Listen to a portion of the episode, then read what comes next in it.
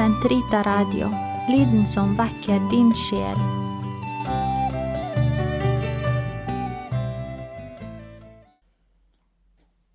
Den katolske kirkes katekisme, uke 13, onsdag, paragraf 1246 til 1255. Hvem kan motta dåpen? Ethvert menneske som ennå ikke er blitt døpt, og bare det, er i stand til å motta dåpen.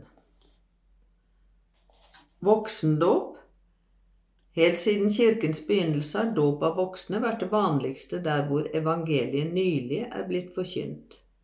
Katekumenatet, dåpsforberedelsen, får da en viktig plass. Som innføring i kristen tro og kristent liv skal det forberedes til å motta Guds gave i dåpen, fermingen og eukaristien. Målet med katekumenatet, eller forberedelsen av katekumenene, er å la deres omvendelse og tro få tid til å modnes som svar på Guds inngripen og innenfor rammene av et kirkelig fellesskap. Det dreier seg om en innføring i hele det kristne liv, hvorved disiplene blir knyttet til Kristus, deres mester. Katekumenerne må altså innvies i frelsens mysterium ved at de oppøves i en livsvandel efter evangeliene og de skal ved en rekke av hellige riter trinnvis innføres i troens og liturgiens liv og i gudsfolkets kjærlighetsfellesskap. Katekumenene er nemlig allerede forbundet med Kirken. De hører allerede til Kristi hus, og ikke så sjelden lever de allerede et liv i tro, håp og kjærlighet. Kirken omslutter dem allerede med kjærlighet og omsorg som sine egne barn.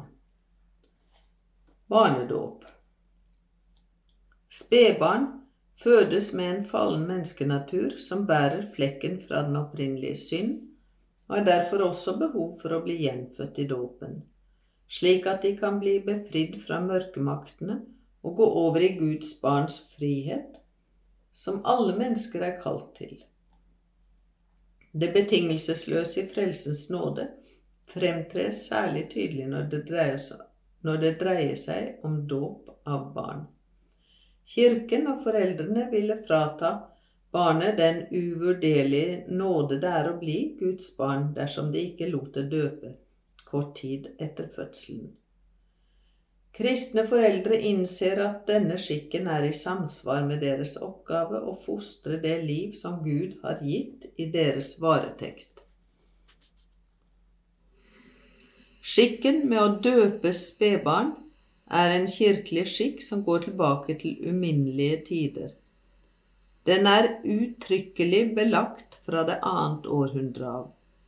Helt fra begynnelsen på apostlenes forkynnelse er det imidlertid svært mulig, når hele hus ble døpt, at man da også døpte barna.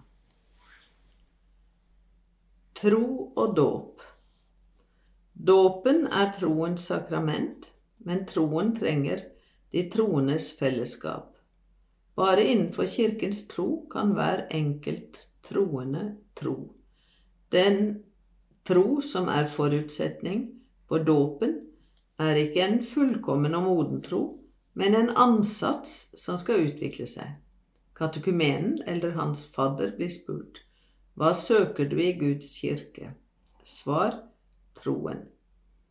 Hos alle døpte, enten de nå er barn eller voksne, må troen vokse etter dåpen. Derfor feirer Kirken hvert år påskenatt fornyelsen av dåpsløftene. Forberedelsen til dåpen fører bare frem til det nye livs terskel. Dåpen er kilden til det nye liv i Kristus, som hele kristenlivet veller frem fra. Foreldrenes hjelp er viktig for at dåpens nåde skal kunne utfolde seg. Dette er også gudfars og gudmors oppgave. De må være trygge troende som både kan og vil bistå den nydøpte, barn eller voksen, på veien gjennom kristenmenneskets liv. Deres oppgave er en ekte kirkelig gjerning, officium. Hele det kirkelige fellesskap har sin del av ansvaret for at dåpens nåde utfoldes og bevares.